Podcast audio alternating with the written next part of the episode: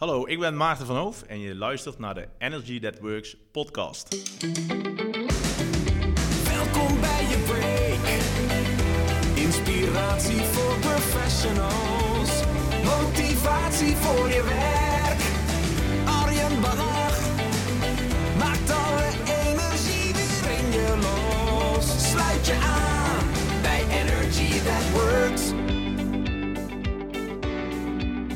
Yes, je bent er weer bij een nieuwe aflevering van de Energy That Works podcast. En ik vind het hartstikke gaaf dat je luistert naar alweer de vijfde aflevering.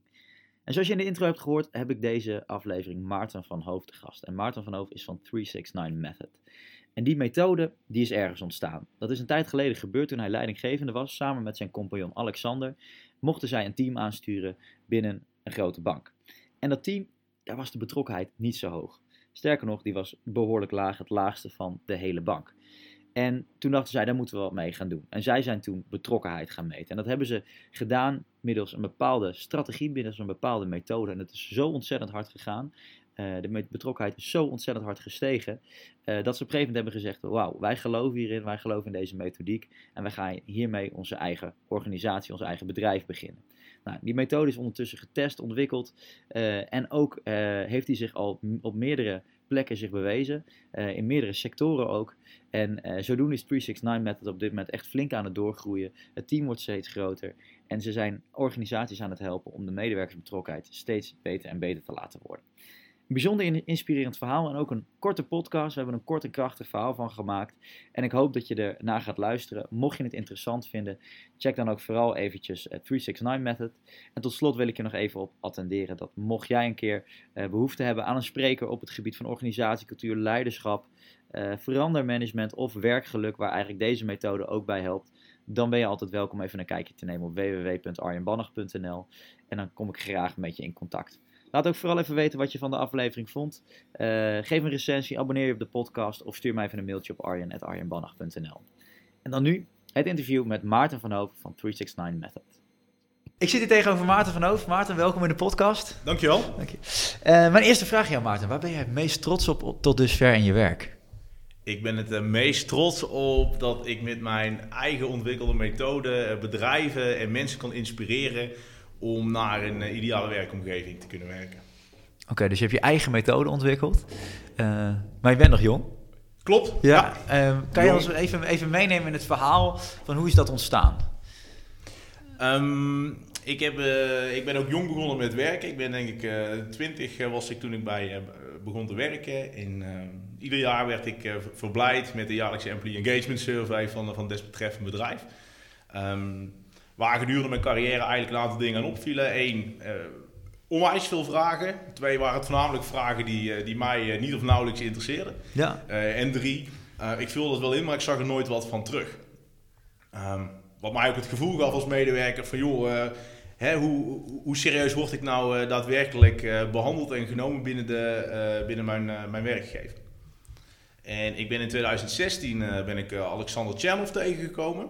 Mhm. En samen hebben wij eigenlijk een antwoord bedacht op de uh, jaarlijkse Employee Engagement Survey. En dat is de methode uh, waar ik het net over had. Ja, en die hebben jullie ook al destijds in het bedrijf waar jullie werkten getest. Klopt, ja. Um, even heel kort, hoe stond het ervoor voordat jullie het deden en wat waren de resultaten achteraf? Um, nou, we troffen daar een, een, een afdeling aan uh, die echt bulkte van het talent. Uh, waar mensen echt onwijs goede ideeën hadden. Uh, maar waar we echt nog een beetje op zoek waren naar hoe kunnen we nou echt iedereen in zijn kracht zetten. En hoe kunnen we nou echt al die ideeën vormgeven. In, en mensen een soort mini-ondernemer um, en uh, een mini-uitvinder laten zijn binnen een team en ook binnen een bepaalde afdeling. Ja. Um, en daar hebben we de methode voor bedacht. En de resultaten waren dat mensen met onwijs veel energie naar het werk kwamen. weinig tot niet meer ziek waren. Um, en ook niet voor meer salaris of verbeterde arbeidsvoorwaarden bij de collega's aan de slag wilden. Ja, dat is ook altijd goed als je je talent natuurlijk kan behouden. En e-, eerst was die betrokkenheid of die tevredenheid was heel laag, dus blijkbaar toen jullie uh, voor, dat die methodiek is getest. In ieder geval een stuk minder dan, uh, dan toen de methode was uitgerold. Ja. ja, ja. Dus dat heeft enorm gewerkt. Nou, die methode, daar zullen we het zo meteen nog wel uitgebreid over hebben, want dat is natuurlijk waar jullie nu mee bezig zijn. Uh, wat ik wel interessant vind, uh, wat je vaak hoort, is je hebt verschillende manieren van, van, van, inderdaad, van engagement surveys. Elk bedrijf meet eigenlijk wel van hoe staan we ervoor. Ehm, allereerst, zie jij een verschil in het meten van tevredenheid en betrokkenheid? Uh, ja, absoluut. Uh, waarbij um, betrokkenheid voor mij veel meer zegt over uh, ambassadeurschap van je werkgever, veel meer zegt over in hoeverre ben ik bereid om een stap extra te zetten, in hoeverre ben ik bereid om mijzelf, mijn team en mijn organisatie verder te helpen. daar waar tevredenheid in mijn beleving gaat over, oké, vind ik het leuk, ja dan nee, einde discussie. Ja, precies. En vooral terugkijken naar het verleden, hoe was het toen, terwijl betrokkenheid misschien ook wel meer zegt over het nu. Ja. ja. Oké, dus daar zijn jullie mee aan de slag gegaan. En, um, en wat zijn nou de belangrijke, als je dan gaat meten naar betrokkenheid, hè, het, het, zegt veel meer over je ambassadeurschap. Wat zijn de belangrijke pijlers die die betrokkenheid uh, eigenlijk vormgeven? Uh, wij hebben daar drie pijlers uitgezocht. Ja. En die pijlers die gaan eigenlijk over een stuk uh, energie. Dus in hoeverre ga ik met energie naar mijn werk? In hoeverre um, kan ik samenwerken? Dat is de tweede pijler. Uh, en in hoeverre uh, voel ik me uh, veilig op mijn werk? in die zin dat ik kan ik fouten maken. Um, wat gebeurt er op het moment dat ik een fout maak? Hoe wordt er omgegaan met een hulpvraag? maar ook zeker, um, wordt het gewaardeerd als ik dingen uitprobeer? Als ik probeer om de organisatie verder te helpen? Ja. En dan meten we ook niet zozeer op de harde output. Maar we meten veel meer op hoe voel ik mij daarbij en Um, hoe kan ik mij hier zelf uh, zo, zo goed mogelijk in faciliteren om uh, het maximale uit mijn werkdag te halen? Ja, mooi. Ja, en ik, ik, ben wel heel blij om de eerste te horen, energie, want dat hoort natuurlijk in de Energy That Works podcast. Heb je, heb je wat ervaringen misschien in hoe, die, hoe je die dingen terug hebt zien komen? Misschien in, in het bedrijf waar je die methodieken hebt ontworpen, hoe je daar zag dat de energie laag was of, of dat, het, dat je het uiteindelijk hebt kunnen verhogen, of misschien op het gebied van de andere twee pijlers. Heb je daar wat voorbeelden van wellicht? Um, nou, niet zozeer in het bedrijf waar we de methode uh, ontwikkeld en uitgerold hebben. Uh, maar ik wil voorbeelden aanhalen van wat ik nu merk. Op het moment dat, dat mensen graag met mij in gesprek gaan over, over dit onderwerp. En energie, dat, dat meet je natuurlijk uh, vaak aan of mensen te laat komen op hun werk. Of dat mensen vlak voor sluitingstijd iets af willen maken. Of dat ze liever zeggen van nou, ik moet een trein, een bus halen. Ik ben, ik ben net voor die tijd, voor die tijd wat weg. Ja. Um, en wat we zien door het implementeren van onze methode, um, is dat mensen initiatiefrijk worden, wat, wat, ik eerder aangaf, minder ziek zijn um, en ook gewoon buitenwerktijd met elkaar uh, dingen, zaken in, en, en, borrels organiseren. Dus er ontstaat echt ook een verbondenheid vanuit die energie tussen ja. collega's onderling. En dat is natuurlijk alleen maar goed voor de sfeer op de werkvloer. Ja. ondanks dat het niet meetbaar is, voel je als het ware een, een vibe op de afdeling. Ja, Kijk, dat is belangrijk. Dat, dat, dat, kan je inderdaad niet meten, maar je merkt wel of er iets in gang is gezet, ja of nee. Ja. En uh, dat merk je. Nou, de tweede is samenwerking. Hoe, kan je daar ook wat kort over vertellen, hoe je dat dan ziet? Die samenwerking, een voorbeeld ervan wellicht hoe dat beter kan, want dat is natuurlijk een heel belangrijk ding, hoe, in teamverband wordt gewerkt. Um, ja, absoluut. En, en samenwerken um, is natuurlijk een leidinggevende altijd een verbindende factor. En, en, is het heel belangrijk ook hoe zo'n leidinggevende ten opzichte van zijn team, ook weer ten opzichte van de organisatie, uh, zelf beoordeeld en gemeten wordt. Ja. Um, en juist om, uh, wat, wat, we in onze methode heel erg uh, naar voren schuiven, is dat we een leidinggevende echt een faciliterende rol willen geven. Dus niet roepen aan de voorkant, dit kan wel en dit kan niet. Ja. Maar juist mensen in hun kracht zetten, dus dan komen we terug op dat stukje energie. Ja. Om met elkaar nou eens vanuit misschien wel een heel ver out of the box, out of the box actie. Ja. Um, een heel concreet en smart plan te gaan verzinnen. Um, waarmee het team als geheel en misschien ook wel de teams om dat team heen veel beter gaan samenwerken. Nou, het, het buitenwerktijd uh, opzoeken van elkaar is daar natuurlijk een mooi voorbeeld van. Ja. Want op het moment dat mensen zichzelf zien als een soort vrienden, uh, meer dan collega's, doet dat natuurlijk ook wat met de samenwerking op de werkvloer. Ja, nou, volgens mij hebben we nu heel duidelijk gemaakt wat de betrokkenheid allemaal voor, of niet voor positieve bijdrage kan, kan hebben op het moment dat je dat implementeert in je organisatie. Um, nou, dat, dat, kan je dus op verschillende manieren meten, maar jullie hebben een app gemaakt. En eigenlijk een hele simpele app mag je misschien wel zeggen. Um, hoezo is het zo simpel? Dat kan toch eigenlijk niet? Um, het, is, het, is, eigenlijk heel klein. Je zou zeggen, je moet heel veel meten, maar dat, dat doen jullie niet. Nou, uh, onze uitgangssituatie is volgens mij moet je niet heel veel meten en moet je vooral niet uh, uh, dingen meten die mensen eigenlijk niet boeit. Volgens mij gaat het er juist om om het uitvragen van cruciale dingen die mensen belemmert of juist in een kracht zet in hun dagelijkse werk en dus ook in relatie tot hun privé-werkbalans. Ja. En Hoe zorg je er nou voor dat mensen ehm, antwoord gaan geven en dat mensen enthousiast worden om met hun eigen eh, engagement aan de slag te gaan? Eh, dat is door het zo laagdrempelig mogelijk eh, in te zetten. En, en zo ehm, te framen dat zij ook continu in de driver's seat zitten om de vervolgactie te willen uitvoeren. Ja, want eh respons is natuurlijk heel belangrijk eh, voor zo'n voor zo'n engagement eh, survey. Blijkt het ook uit jullie cijfers dan dat, dat op het moment dat je het zo gaat meten op de manier dat jullie het doen, dat, dat die cijfers van respons hoger zijn? Ja, absoluut. De- ervaringen die wij hebben is dat op het moment dat mensen zelf gaan bepalen waar zij het over willen gaan hebben en zelf de accenten mogen leggen die zij belangrijk vinden, ehm, dat we 85 tot 95 procent binnen een week eigenlijk al reageert op één vraag. Dus we hebben het niet over pushberichten en we hebben het niet over eh, continu eh, reminders versturen. Op de eerste vraag van joh, geef eens aan, wat is nou jouw eh, ideale werkplek en welke onderdelen vind jij zo belangrijk dat je daar dit jaar over wil hebben? En, die, dat, en dat, dat vormt vormt dan ook eigenlijk de nulmeting van, van het hele onderzoek. Door die vragen. Ja, dat is de nulmeting. En de vraag daarna is natuurlijk van joh, plot nou eens op de dingen die jullie belangrijk vinden, ehm, hoe de situatie er nu voor staat. Ja, dat is de eigenlijke nulmeting. Dat is eigenlijk de nulmeting, precies. Dus je geeft aan, dit vind ik belangrijk, nulmeting, en dan ga je aan de slag. En vervolgens wordt er, want hoe zien jullie het dan? Hè? Vervolgens krijgt een leidinggevende, een teamleider, die krijgt eh, allerlei suggesties terug, de cijfers terug. Wat, wat, gebeurt, wat zie je dan een beetje gebeuren in, in, in de cases die jullie nu hebben gehad? Wat ontstaat er dan op het moment dat, want er komt informatie naar boven, wat, wat gebeurt ermee? Nou, dat is tweeledig, hè? Ja. Eh, afhankelijk van ehm, eh, welke resultaten dat er naar voren komen in de, in de soort van nulmeting.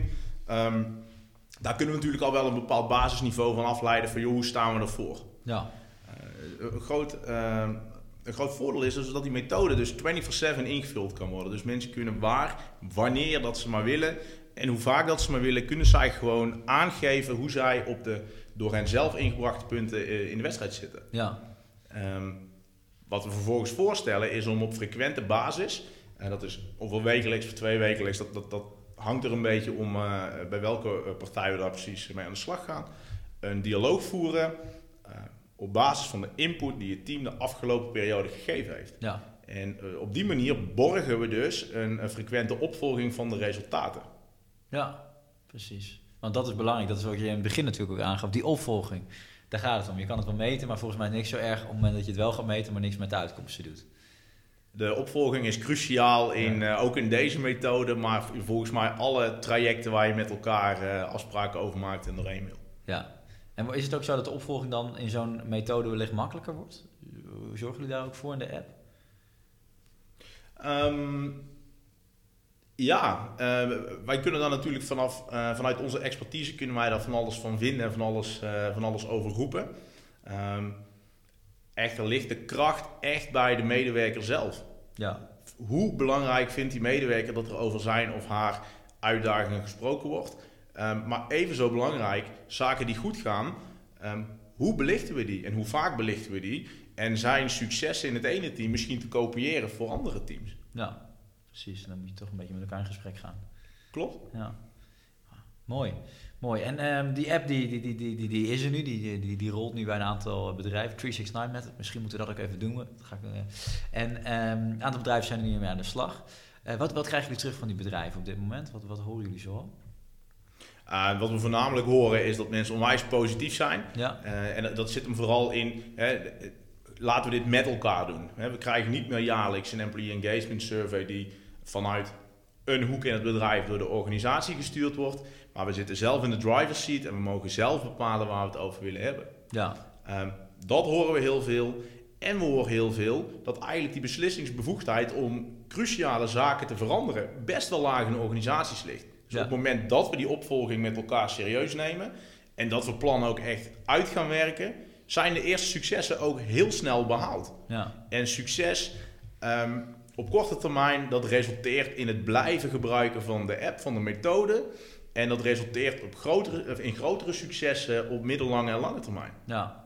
En dat is natuurlijk uiteindelijk waar je het wel voor doet als organisatie. En dan is de app in principe een middel om met elkaar gewoon in gesprek te geraken over een mooie werkplek en over gelukkig zijn eh, in je werk. Ja, Wat toch een, volgens mij een substantieel deel is van, eh, van ons leven. ja, Ehm, En in ons gedachtegoed, iedereen op een plek moet werken. En volgens mij uh, beaam je dat. In, Ja. Op een plek moet werken waar hij of zij het naar zin heeft. Ja, mooi. Want dat is ook een berichtje waar ik nog even naartoe wou. Het, het stukje visie. Want 369, hè, dit is eigenlijk natuurlijk een vrij analyserende methode om, om toch gevoel uit mensen eh, te trekken en te kijken van hoe kunnen we het beter maken. Maar uiteindelijk, wat, wat, wat is de visie van 369 Method? Waar moet het eigenlijk toe leiden? Wij zijn eh, eh, content en wij zijn eigenlijk tevreden op het moment dat iedereen eh, waar wij mee samenwerken eh, oprecht kan aangeven dat hij of zij op een werkplek zit eh, waar hij of zij zich in naar, naar de zin heeft. Ja, En dat is een, een missie en dat is een stil op de horizon waar we de komende 10, 20 jaar misschien wel mee, eh, mee aan de slag moeten, waar we misschien wel nooit komen. ja, Ehm, maar dat is wel de uitgangssituatie. ja, En als je vanuit deze visie iedere dag eh, eh, mensen gelukkig mag maken, en dat weet jij als geen ander, ja. dan eh, sta je zelf ook met eh, enorm veel energie iedere dag naast je bed en eh, Absoluut. heb je er enorm veel zin in. Ja, mooi. Dus dat, dat, dat is die gedachte. We willen echt zorgen dat men het naar zijn zin krijgt op zijn werk. En betrokkenheid is daar een groot onderdeel van. Klopt. Eh, en jullie hebben nu ook al wat, wat breder getrokken. Want eerst hebben we, hebben we specifiek die app. Maar nu eh 369, maar het wordt al iets groter. We gaan het niet meer hebben over betrokkenheid. Maar hoe noemen jullie het nu? Ehm, nou, medewerker betrokkenheid heeft volgens mij ook weer een opvolger in zich en dat is echt een ideale werkplek. Ja, ideale werkomgeving. Ehm, en, en dat zit hem echt veel meer in eh het stuk privé-werkbalans, wat natuurlijk steeds lastiger wordt om dat goed af te bakenen en om daar eh, eh, echt scheiding in aan te brengen. ja, Ehm, nou, eh, met de opkomst als het nieuwe werken en het flexwerken en noem het allemaal maar, gaan die dingen ook heel erg in elkaar overlopen. ja, En wat wij eh, eigenlijk willen doen met een ideale werkomgeving, hoe kunnen die twee nou met elkaar zo verweven zijn eh, en dat ze aan de andere kant toch eh, heel comfortabel voelen. En dat klinkt misschien wat warrig zoals ik dat nu nog zeg, ehm, maar uiteindelijk zullen we toegaan naar een situatie waarbij werk en het privéleven zo in elkaar vervlochten zijn dat daar weinig onderscheid meer in is. ja. En dan blijft onze visie van, joh, hoe zorg je er nou voor dat we wel allemaal gelukkig zijn eh, en dat we het kunnen handelen. Ja, precies. Want het gelukkig zijn in het werk, dat is natuurlijk gewoon iets dat... eh, daar hebben we ook in eerdere interviews het al over gehad. De, dat het eerst misschien iets fluffigs was, maar op dit moment is het gewoon echt een onderscheidende factor. En je moet er gewoon als organisatie in mee. En betrokkenheid is daar dan gewoon een groot onderdeel van. Ehm, wat, wat misschien nog wel interessant, want, ehm, hè, want dit is een hele goede methode. Die heeft zich ondertussen ook al meerdere keren bewezen. Dus steeds meer bedrijven adopteren dit ook, deze, deze, deze techniek. Ehm, welke bedrijven hebben dit heel hard nodig? Wij zijn in bepaalde sectoren of bepaalde symptomen van eh, bedrijven waarvan je zegt, eh, dit, ehm, de- deze organisatie hebben dit heel hard nodig. Ja, dat vind ik lastig, lastig om aan te geven. Ehm, wat we merken is dat eh, eigenlijk ieder bedrijf wel graag wil verbeteren op het gebied van, eh, van werkgeluk en op het gebied van employee engagement. Ja, eh, maar dat we dan eh, dat het echt heel erg verschilt per bedrijf. En van, joh, hoe, hoe- ja, in hoeverre voelen we nu de, de sense of urgency en in hoeverre willen we daar ook vandaag daadwerkelijk mee beginnen. En het is, het is niet een, een soort framework wat je op een bedrijf kan plakken van joh, we hebben zoveel medewerkers nodig en we bevinden ons in deze branche. En we willen binnen nu en drie maanden willen we, ehm, eh, willen we het voor elkaar hebben. Mhm. Ehm, ik denk dat het goed is dat, dat ieder bedrijf daar op zijn of haar eigen manier mee bezig is. Ehm, en dat als het moment voor dat bedrijf daar gekomen is om daar echt mee aan de slag te gaan, eh, dat we dat natuurlijk graag wel. Ja, maar is, misschien zijn er bepaalde, hè, als je de leidinggevenden het horen, managers het horen, of misschien ook wel gewoon medewerkers, eh, dat ze denken, hey, dit zie ik in mijn team en dat is wel een, een, een symptoom van, oké, dan moeten we misschien gaan plussen op medewerkersbetrokkenheid en werkgeluk. Dit is vast iets wat jij dan tegen bent gekomen, of ook wel in het verleden in je organisatie waar je zelf lang hebt gewerkt. Nou, wat we zien is dat eh, op het moment dat de arbeidsmarkt aantrekt, dat eh, vooral eh young professionals gewoon onwijs veel opportunities in de markt hebben. Ja, Dus dat verloop ehm, eh, een hele grote rol speelt, dat switchgedrag hoger wordt. Ehm, en bedrijven die heel veel eh, flexibele, eh, flexibele krachten hebben, eh, te maken krijgen met een heel instabiele eh, populatie als het gaat om medewerkers. ja, Ehm, en dan is het natuurlijk de vraag, hoe zorgen we ervoor dat we die young professionals waar we veel geld in investeren aan de voorkant, waar we van vinden dat ze op den duur het verschil moeten maken, hoe houden we die aan boord? ja. En dat is wel een belangrijke trigger waar wij met 369 Method eh, een mooie rol in kunnen spelen. Ja, Want talent, ja, medewerkers zijn het belangrijkste van een organisatie. En talent, dat wil je graag behouden natuurlijk, ja. En het is ontzettend vervelend om heel veel te investeren in talenten die op het moment dat ze een investering terug moeten betalen, ehm, bij de concurrent aan Ja, ja, precies. Dat is, dat, is, dat is killing voor een organisatie. Dat wil je tegengaan. Dus dat, dat is al een, heel belangrijk symptoom op het moment dat er veel eh, verloop is. Maar dat zal natuurlijk ook moeten maken met verzuim, ziekteverzuim, waar- waar jullie natuurlijk ook goede cijfers op scoren eh, na verloop van tijd. Dat zijn dingen waar je dan op moet letten van, hé, hey, dan moet je misschien eens instappen op zo'n app. Dat zijn hele belangrijke eh, signalen inderdaad. Ja, En de laatste, die, die waarschijnlijk ook goed is om te noemen, dat zijn echt organisaties die heel veel met het nieuwe werken werken. Of ehm, mensen die veel onderweg zijn, mensen die weinig direct contact hebben met een hoofdkantoor, die weinig ehm, eh, direct contact hebben met hun collega's. ja, Eh, die als het ware in het veld aanwezig zijn. Eh, die kunnen we op deze manier heel erg verbinden. Ehm, en toch heel erg hun mening laten geven en, en de communicatie vanuit de organisatie mee kunnen, mee kunnen geven. ja. En dan eh, tot slot nog even die inhoud, wat, wat wat misschien nog wel interessant is. Want je wil uiteindelijk ook eh, dat iedereen mee gaat doen met, met, met, zo'n traject. Je wil de responsgraad hoog hebben natuurlijk, maar je wil ook dat iedereen, nog voordat u, iemand überhaupt in een app gaat zitten, dat iedereen aan boord is om te zeggen, hey, we gaan werken aan het vergroten van die betrokkenheid, het vergroten van werkgeluk. Heb je, heb je een idee hoe je iedereen mee kan krijgen? Want het zou ook in het verleden bij jou zo zijn geweest dat jij misschien dacht, oké, dit is het moment om te plussen. Dat andere mensen dachten, nee, daar zit ik helemaal niet op te wachten. Ehm, ja, zeker herkenbaar. Eh, en hoe, hoe krijg je die mensen mee? Ehm, volgens mij heeft dat alles te maken met hoe je je boodschap uitlegt naar je mensen. Ja, eh, dus niet alleen we gaan dit doen, maar ook waarom gaan we dit doen? Wat willen we ermee bereiken? En wat is het commitment dat, dat ik of wij als, als managementlaag eh, geven om dit een succes te laten worden? ja. Dus het zit hem vooral heel erg in hoe vliegen we dit aan met z'n allen. En, en misschien wel, joh, beste medewerker, vertel jij ons als management maar eventjes de komende drie maanden hoe wij ons werk moeten gaan doen. Ja, ja dat, moet je natuurlijk niet, eh, dat moet je natuurlijk niet doen. Ehm, tot slot, wie, wie, is hier, wie, eh, wie is hier verantwoordelijk voor? Want je zou kunnen zeggen, hè, de, organisatie moet er zelf voor zorgen. Of zeg jij misschien ook wel, de medewerker heeft ook een verantwoordelijkheid in dit proces om te zorgen dat het werkgeluk en de betrokkenheid wordt vergroot. Ja, ik denk dat de medewerker ehm, de grootste verantwoordelijkheid heeft. Oké, Ehm, echter, de medewerker moet ook wel in staat worden gesteld.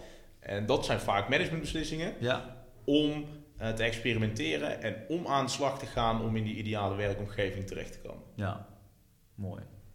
Dus inderdaad, er ligt ook vooral een persoonlijke verantwoordelijkheid om dat te doen en om eh, te delen wat, eh, wat, je, wat je op je lever hebt. Jazeker. Ja, hartstikke tof. Nou, mooi, mooi inzicht in, in, in, in dat verhaal en hoe dat eh, ten, positieve voor je bedrijf kan, eh, kan gaan werken. Eh, tot slot nog wil ik graag even inzoomen op de persoon Maarten, want jij bent natuurlijk ook een, een blij ei die hier heel erg goed mee bezig is. Dus ik heb nog een aantal vragen voor je, de zogeheten one-minute questions. En die gaan dan over jou als persoon. Ehm, de allereerste vraag, wie is je grootste inspiratiebron? Johan Cruijff. Vertel.